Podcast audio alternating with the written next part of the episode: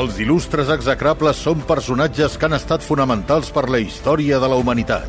Alguns d'ells, fins i tot, idolatrats, tot i que potser no se'ns havia explicat tota la veritat. Fins ara.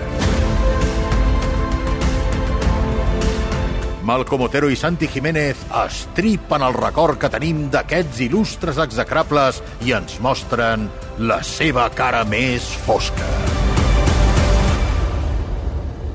I en aquest episodi, Gustavo Adolfo Becker. Au village sans prétention, j'ai mauvaise réputation. Que Je me démène ou que je reste quoi, je passe pour un je ne sais quoi. Avui ens menjarem del cunyàs que ens va donar el batxillerat Gustavo Adolfo Claudio Domínguez Bastida, de nom artístic Gustavo Adolfo Becker. Every time I'm chimpanzees, I was a monkey. Butane in my veins, and mouth to cut the chuggy with Ja comencem malament. O sigui, no es deia Becker. No, no, no té a veure, a veure. Es diu, es, I això per això posem Beck. A més, a més la cançó es diu Loser. Ah, sí que és... Be- Oi, oi, oi, sí. A Amb el veure si no hi ha la tornada, no? What did you kill me, no? Home! Bueno, ja ho trobarem. Molt bona. Us interrompré perquè...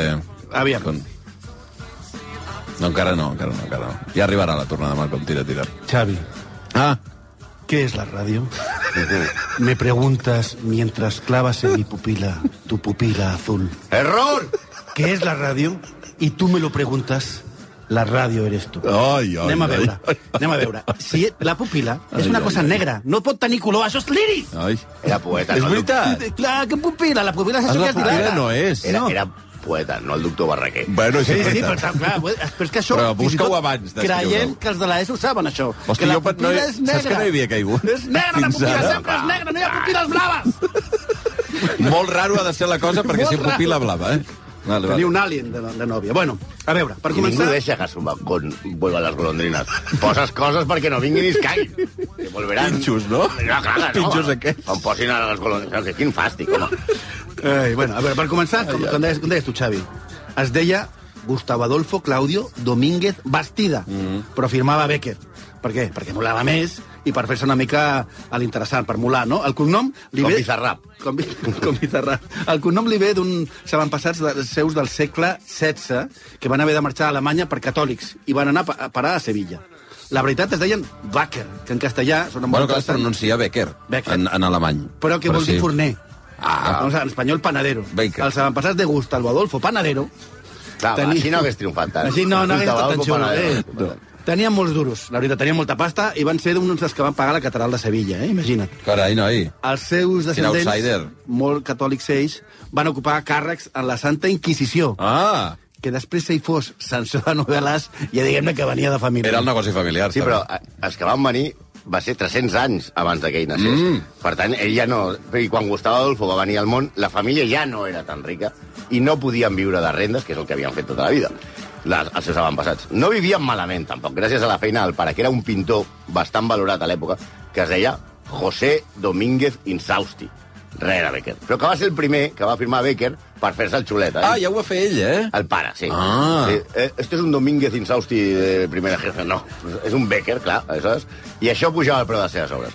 Això li va permetre tenir una posició relativament còmoda i tenir vuit fills. Bueno, però la fortuna va durar poc. Als 36 anys, el Domínguez Insausti, quan Gussi tenia... Gussi Adolf tenia només 5 anys, va palmar. La mare va morir, la veritat és que poc després, i els fills es van haver, que es feia molt en aquella època, de repartir-se entre cases de parents. I ell va anar a parar de casa de la seva padrina, una dona que tenia, la veritat, una bona biblioteca, on Gussi Adolf va llegir els clàssics, Horaci, Shakespeare, i els bestsellers de l'època, com Victor Hugo, Walter Scott... Teniu molta Orwell. gent d'anar-li dient Adolf, eh? No, ah, No és ja no exacte. va... Ah, li va No és bé, li va bé. acceptat. Ah, Li va sí? bé. La, a- aquesta gent, Walter Scott, Lord Byron, havien, haurien d'ocupar el, el lloc el- el- a l'escola que, que ocupa Becker, eh? Ah, tu En- canviaries eh, això. o- o- Hombre. En principi, ell va dir que volia ser escriptor i el, mi- en el millor seu millor amic d'escola, que es deia Narciso Campillo, Daffodil of the Little Field, si hagués volgut posar-se un nom molon, Clar. va, es, Campillo of the Són Little molt rucs, Fields. eh? va escriure dues obres de joventut, dolentes com la carn a coll, titulades Los La carn Conjurados... de Ah. coll. Coll, sí. Coll. Què s'ha entès? Coll. és el que s'ha entès. Joder, és que... Ah, No No, ara, ara, ara, s'entén- ara, ara, el Malcolm no s'entén què diu. Però no, coll. No, però no... Coll! No, home, no. A veure, un moment. Coll. Coll, que sí, que Val, sí, que sí, va. Carn, carn de, de, de no Són- sé, són dos d'alguna fonemes cosa. que s'assemblen molt, Pensa veureu, no? ràpid alguna cosa. Són dos fonemes que s'assemblen molt, ja sabeu. No com- s'assemblen. No s'assemblen bastant, s'assemblen bastant, ja ho sabeu. Bueno, bueno aquestes obres... Acabo de descobrir una impossibilitat de Malcolm. De la, de la carn de coll. Una. Torna-hi! És Però igual, vols dir digues coll? dolentes. Eren està. dolentes, ja Carn està. dolenta. La carn de coll que es deien Los conjurados y el bujarrón en el desierto. No sap dir-ho. Di- Digues, la, la segona obra no sé. És igual, és igual. Digues, la segona obra es deia El Bujarrón. El bujarrón en el desierto. O sigui que podia ser una pel·lícula de Es suma. deia així, és molt forta. Sí. Per influència eh. No paterna. tenia coll, eh? Per influència paterna, també va voler ser pintor i es va apuntar a l'Escola de Belles Artes de Sevilla. Però el van votar de seguida i va entrar com a aprenent al taller de pintura del seu oncle Joaquín, que el va calar de seguida. El tolerava, clar, perquè era el seu nebot, Home. però li va dir tu no seràs nunca un buen pintor, seràs un mal literato. Mira, quanta merda ens haguéssim estalviat si el Ministeri d'Educació i els successius plans d'estudi haguessin fet cas a l'oncle i no al nebot. Ara, ara. Sí. Teniu la sort, els oients, de no veure Malcom Otero ballant aronxotis. Bueno, ballant. Bueno, fer un moviment molt estrany. Sí, sí. Bueno, No sabria què dir. Gussi, Gussi, tornem i tornem. Gussi Adolf, Jo la És que cara sí, del sí, Santi sí. mirant de reull, com dient mare, Déu I, i tu diguem que això és ballar. També dic. he Eh, mogut la Ballar, cadira. ballar sentat, bailar sentados no és bailar. Ah, Ai, Què? Eh, Gussi, Gussi Adolf, no es va desani- Adolf. desanimar per les amables paraules del seu oncle Ho hauria hagut de fer. i va agafar Ens la hagués maleta estalviat moltes coses, sí. i va anar a Madrid disposat a triomfar al preu que, que fos. Tot i que la impressió que li va causar la capital a un tipus de les seves sínfoles, la- diguem-ne que el tio s'agradava molt a si mateix, no van ser massa bones. Madrid, sucio, negro, feo como un esqueleto descarnado. Esqueleto descarnado. A veure, si Què és és un això? esqueleto, és descarnado, gilipolles. O sea, no, no, no. si no, no és un esqueleto. Clar, Tiritando bajo su inmenso sudario de nieve. ves a cara. Ya estamos en la corte. He necesitado que me lo digan y me lo repitan cien veces para creerlo. ¿Es esto Madrid? ¿Es este el paraíso que yo soñé en mi aldea? Dios mío, qué desencanto tan horrible. Ei, Ai, ai. per sobreviure a S'estimava Madrid molt, eh? i a su sudario de nieve, que igual estava a Estocolm, perquè... De què parlava? De sudario de nieve? No sé, que no, top. no és allò. Va De cridar... Què tipus al- de nieve? Va anar, perquè s'avorria, perquè li va semblar molt lleig, m'ha dit, va cridar al seu amic Campillo. Mm. Suposo que tots li deien el Campi. Sí. Allà, cap allà va anar a, co- a compartir pis, a, això, com si fossin plats bruts, amb el gust. Sí. Campi i el gust. Però la cosa no va acabar bé.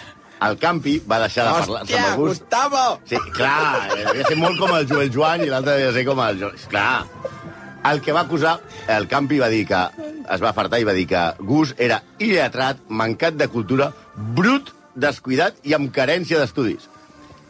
Repeteixo, per què els ministeris d'educació no li van fer cas al tiet? I també al Campi! Sí, veia, tot ho assenyalava la mateixa direcció. però tot i les perspectives nefastes per la seva manca de talent que tots els estudiants hem conegut, però hem hagut de dir que era un geni, el pollastre va aconseguir sobreviure com a literat a Madrid.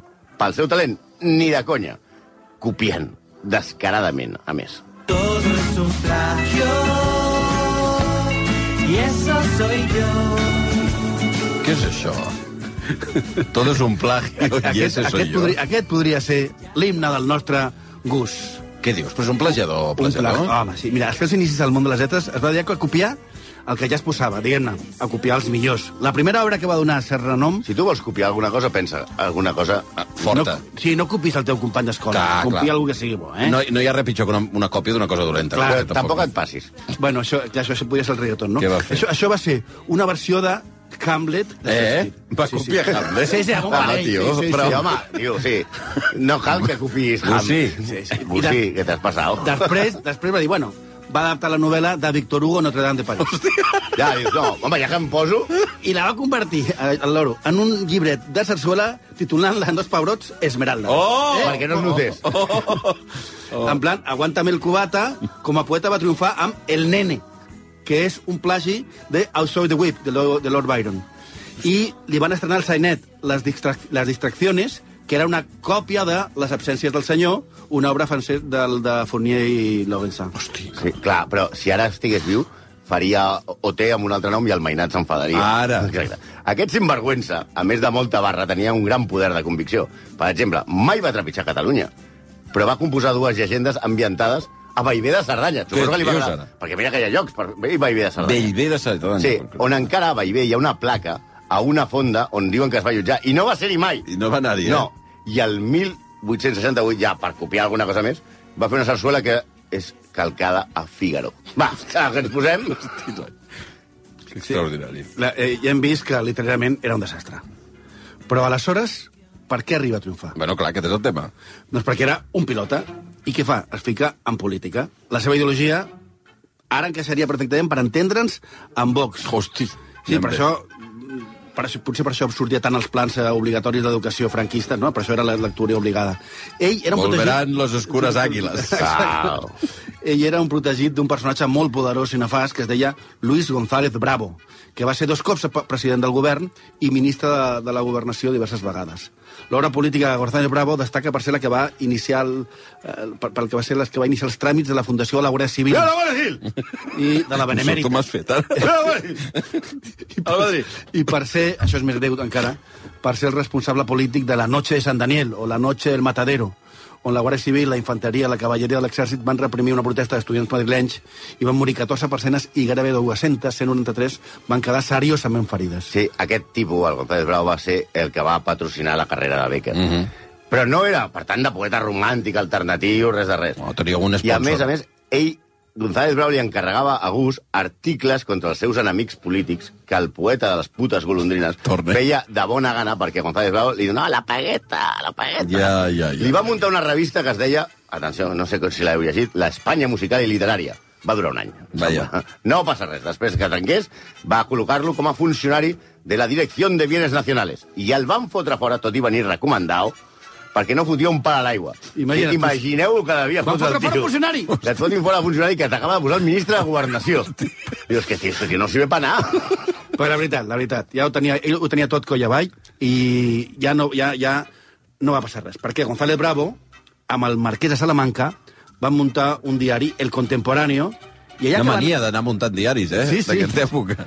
I va anar, allà va anar al nostre gust per escriure en pseudònim una columna que duia per nom, duia per nom Cartes semipolítiques. Mm. Què feia allà? Criticava la Unió Liberal i especialment Leopoldo O'Donnell, que té un carrer a Madrid, el màxim oponent de González Bravo. Sí, O'Donnell estava casat amb Manuela Vergés.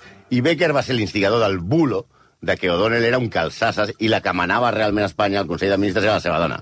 Amb aquest fi, el poeta de les putes golondrines va editar un libel titulat Doña Manuela, periòdico político, que per enfotre's amb O'Donnell, on a la portada sortia una caricatura de la dona d'O'Donnell- d'O'Donnell donant ordres als ministres. Quan va aconseguir fer caure O'Donnell i González Bravo va tornar al poder, es van recordar del seu Doberman i li va donar carguito. Ah, sí?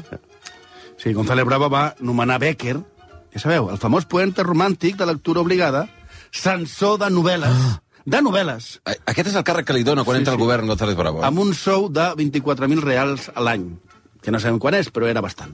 Una pràctica de clara prevaricació, perquè segons la llei d'aquell moment, Sí. sí. el censor de novel·les havia de ser advocat, Oh! cosa que ell no decisió- era. Oh, càrrec a dit, eh? Sí, sí, sí. A més, Becker treballava en un altre diari del Partit Moderat, Los Tiempos, des on, des, i des d'allà defensava a González Bravo per la seva Se actuació van a la copiar fins i tot noche de el nom del diari. Matadero. Va sortir de Times i van posar Los Tiempos. Tiempos.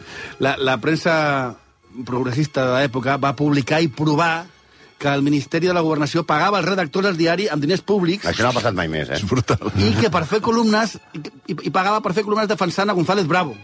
Gus cobrava 35.000 reals anuals. Què? Seguim, seguim estudiant aquest Però no se molt vayan. fort, eh? No se vayan todavía con más. Gràcies al seu protector, al González Bravo, Becker va muntar una mena d'enciclopèdia per fascicles que es deia Història de los templos d'Espanya. Perdona, el guió havia dit enciclopèdia per fascistes. Està bé, I, eh? que va comptar amb subscripcions públiques. Les va com... Això tampoc ha passat mai més, eh? Que les subscripcions a certs mitjans les comprés a l'Estat. No! Començat per la pròpia reina Isabel II. Però l'invent va tancar al cap d'uns anys sense completar-se per motius econòmics. Vamos, que van fer una Enríquez Negreira en tota regla. I a més, quan González Bravo va sortir al govern, Becker va ser acomiadat com a censor, clar. Però quan a la següent legislatura va tornar al poder, el van tornar a nomenar. Fet que va tornar a crear l'escàndol pel tema del títol d'advocat. González Bravo va sortir a defensar-lo dient que no era necessari el títol, sinó que només que el censor fos una persona de, obro cita, nòria idoneïtat. No va colar. González Braus aleshores va dir que el censor d'impremta, de premsa, sí que havia de ser advocat. Però el de novel·les i teatres, no. Ah, un sí, Tam- l'altre no. Però tampoc bueno. va Bueno. colar. I finalment van aconseguir fer un birli birloque i va aconseguir quedar-se amb el lloc perquè deien és que ha recuperat el seu lloc i ha de tornar on estava, perquè ve de la legislatura anterior. De propina, per si faltava alguna cosa, el van nomenar també jurat de la secció de pintures de la Exposició Nacional de Belles Artes i el van fer director de la Il·lustració de Madrid, un diari que rebia 12.000 reals de subvenció en concepte de protegir l'art del dibuix i el gravat espanyol.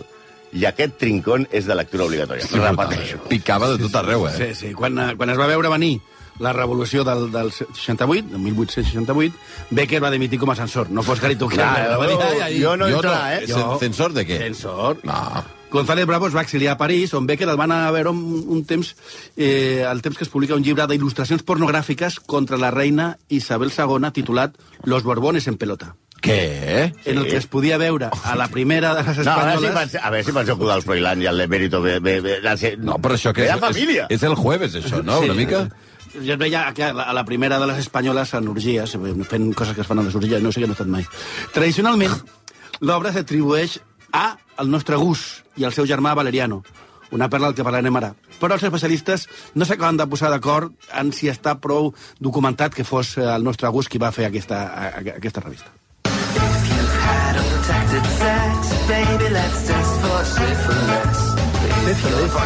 Eh? Què diu la Sífilis. cançó? Sé feliç. La- la sífilis song. Oh my God, sé feliç. Bueno, Hi ha cançons per tot, eh? estimats, estimats escolars que esteu i estudiants, Ai. segur que en els llibres de text i els propers us venen a Becker com el poeta de l'amor. Sí. Poseu-ho a l'examen, això no passa res. Però la veritat és una altra que està més a prop de la cançó de la sífilis que la cursilada aquesta.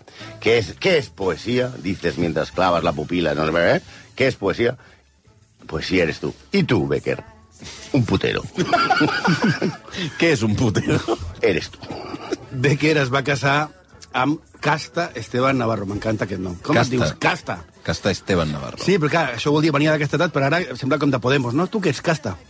A, a la que va conèixer a casa del seu pare, el que el poeta de- d'amor elevat acostumava a visitar. El pare de Casta, Francisco Esteban Ayllón, era un cirurgià sagnador que consta que aplicava un nou mètode aleshores per lluitar contra la sífilis, una malaltia bastant recurrent al de les golondrines, eh? O sigui, tenia sífilis bastant, bastant sovint que amb el seu germà Valeriano eh, sembla que es coneixien tots els bordells de Madrid. Joder. Tot i així que que el metge curés la sífilis diverses vegades a, a Becker, no va posar cap inconvenient quan Becker li va demanar la mà de la seva filla. ja 17 anys. Ah, Això, això és raro, no? Amb 17 Oh. anys, eh? 17 anys, sí.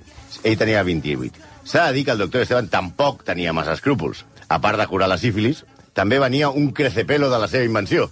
Imagina. I poc després de la boda, perseguit per Hisenda i altres acreedors, va tancar la consulta i va tornar al seu poble, a Novierques, Sòria. Sí, la pobra Casta, eh, amb 17 anys, recordem, de seguida va veure que el poeta d'amor en veritat era més fals que el seu pare. Però el poeta de seguida li va fer dos criatures i de seguida ja no li feia ni cas. Ella, encara enamorada per culpa d'aquesta idea absurda de l'amor romàntic, va mirar de reconquerir el seu marit fent-lo posar gelós. Això ja diem, com, com a mesura general, no funciona. No Ja, funciona. ja. no funciona mai. Adolescents, de l'ESO, que això... No ho I, feu. i, I menys eh, a, a, a, a certes èpoques. Sí, aleshores, a Novierques, el poble on vivia... Hi havia un noi que vivia, que havia festejat amb ella quan eren nens, que es deia Hilarion Borovia. Molt. Però aquest tothom coneixia com el Rubio. Sí. Suposem sí. que era perquè era rosa. Sí, no, Quan i, estava- o, per no dir-li la- per, o per no dir-li l'Arion. quan estaven al poble es feien miradetes i es posaven ullets. Ai, Res més, que això. monos. Eh? Per, per posar, però per posar gelós, no, no és que es deguis ahir... Pensem que no hi havia Instagram ni... Sí, no, ni- clar, com- eh, Molt difícil, això, Però no, ja. que, fe- no és que es fessin tocaments sota la taula, eh? Eh. Res més. Això, que el curs hi va definir com un diálogo mudo de amor, que cuando me lo contaron siente el frío de hoja de acero en las entrañas, el va fer enfadar molt i va retar a duel al Rubio. Oh, Abans es veu que eh, va pagar una mica la seva dona, va- la va colpejar una, mica, una miqueta ja comencem. que a més estava embarassada de, de, de 5 mesos, i es van dur els nens i va marxar del poble. Sí, la decisió de marxar del poble és meitat presa pel despit i meitat per supervivència, perquè es rumorejava que los mozos amigos del Rubio i Hilarión Home. anaven a buscar-lo per matar-lo. És a dir, ja, ja no vierques deuen ser bastant brutos. És a dir, que el poeta de l'amor i les putes golondrines que sortia amb els amigotes a putes i dedicava poemes a desconegudes no tolerava que la seva dona posés ullets al seu antic nòvio. A més, des del principi, Casta i Valeriano, eh, que era el germà de Gus, no van congeniar. Valeriano creia que la seva cunyada era poca cosa per Gus i pel poeta, i li reprovava que la seva dona no tocava el piano, ni l'acompanyava a salons literaris, no es cuidava prou i no era prou sofisticada. Va. Clar, ella li havien fet dos fills en un any. O sigui, clar, tampoc podia anar a fer aquestes coses. I cuidava els nens petits mentre mirava de treure endavant l'economia familiar que a gust despilfarrava per les tasques i bordells de Madrid. Té una gran, fase, una gran frase casta que diu que hauria de ser sí de lectura obligatòria, que diu En esta casa hay mucha pluma para escribir, pero poco pollo que cocinar. La, la frase és bona, era la dona. Era la dona. Brillantíssima frase. La veritat és que es van separar de mutu acord i quan Becker va morir als 36 anys, només 36 anys, o sigui, vull dir, quina edat tens tu, Xavi, ara? No cal dir-ho. Dona Més- pul... Soc més gran que Becker.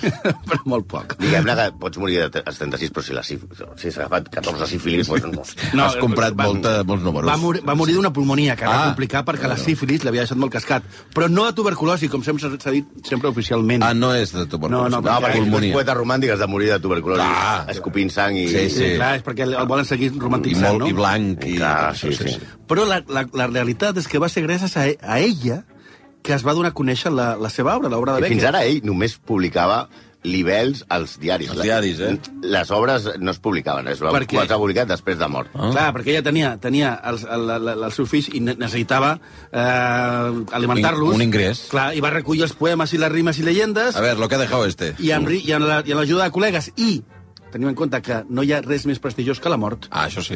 eh, i els col·legues de Farra, el seu marit, doncs, van, es van publicar i ara per això la, ens Mira. passem tot això en patates. Si això va servir perquè la pobra casta, que va viure un calvari amb aquest desgraciat, sobrevisqués decentment, que no va passar perquè va acabar morint sol en un hospital, Hosti. encara tindria un passe.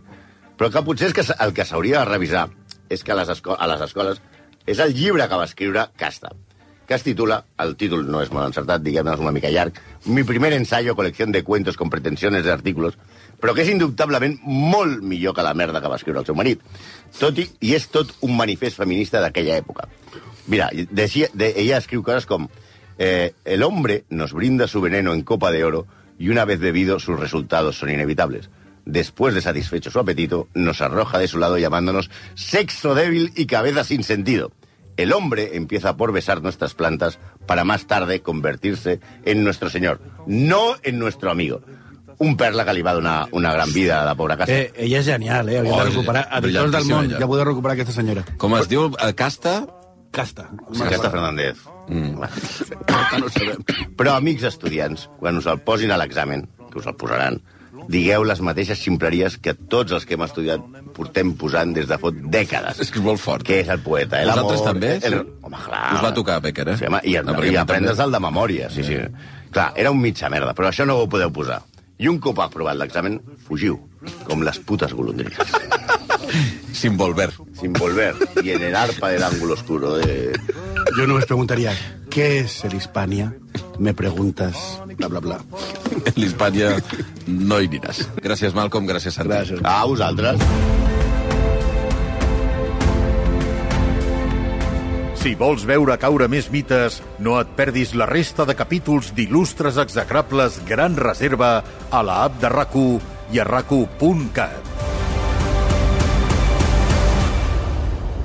Il·lustres execrables és una secció habitual del programa Via Lliure amb Xavi Bundó.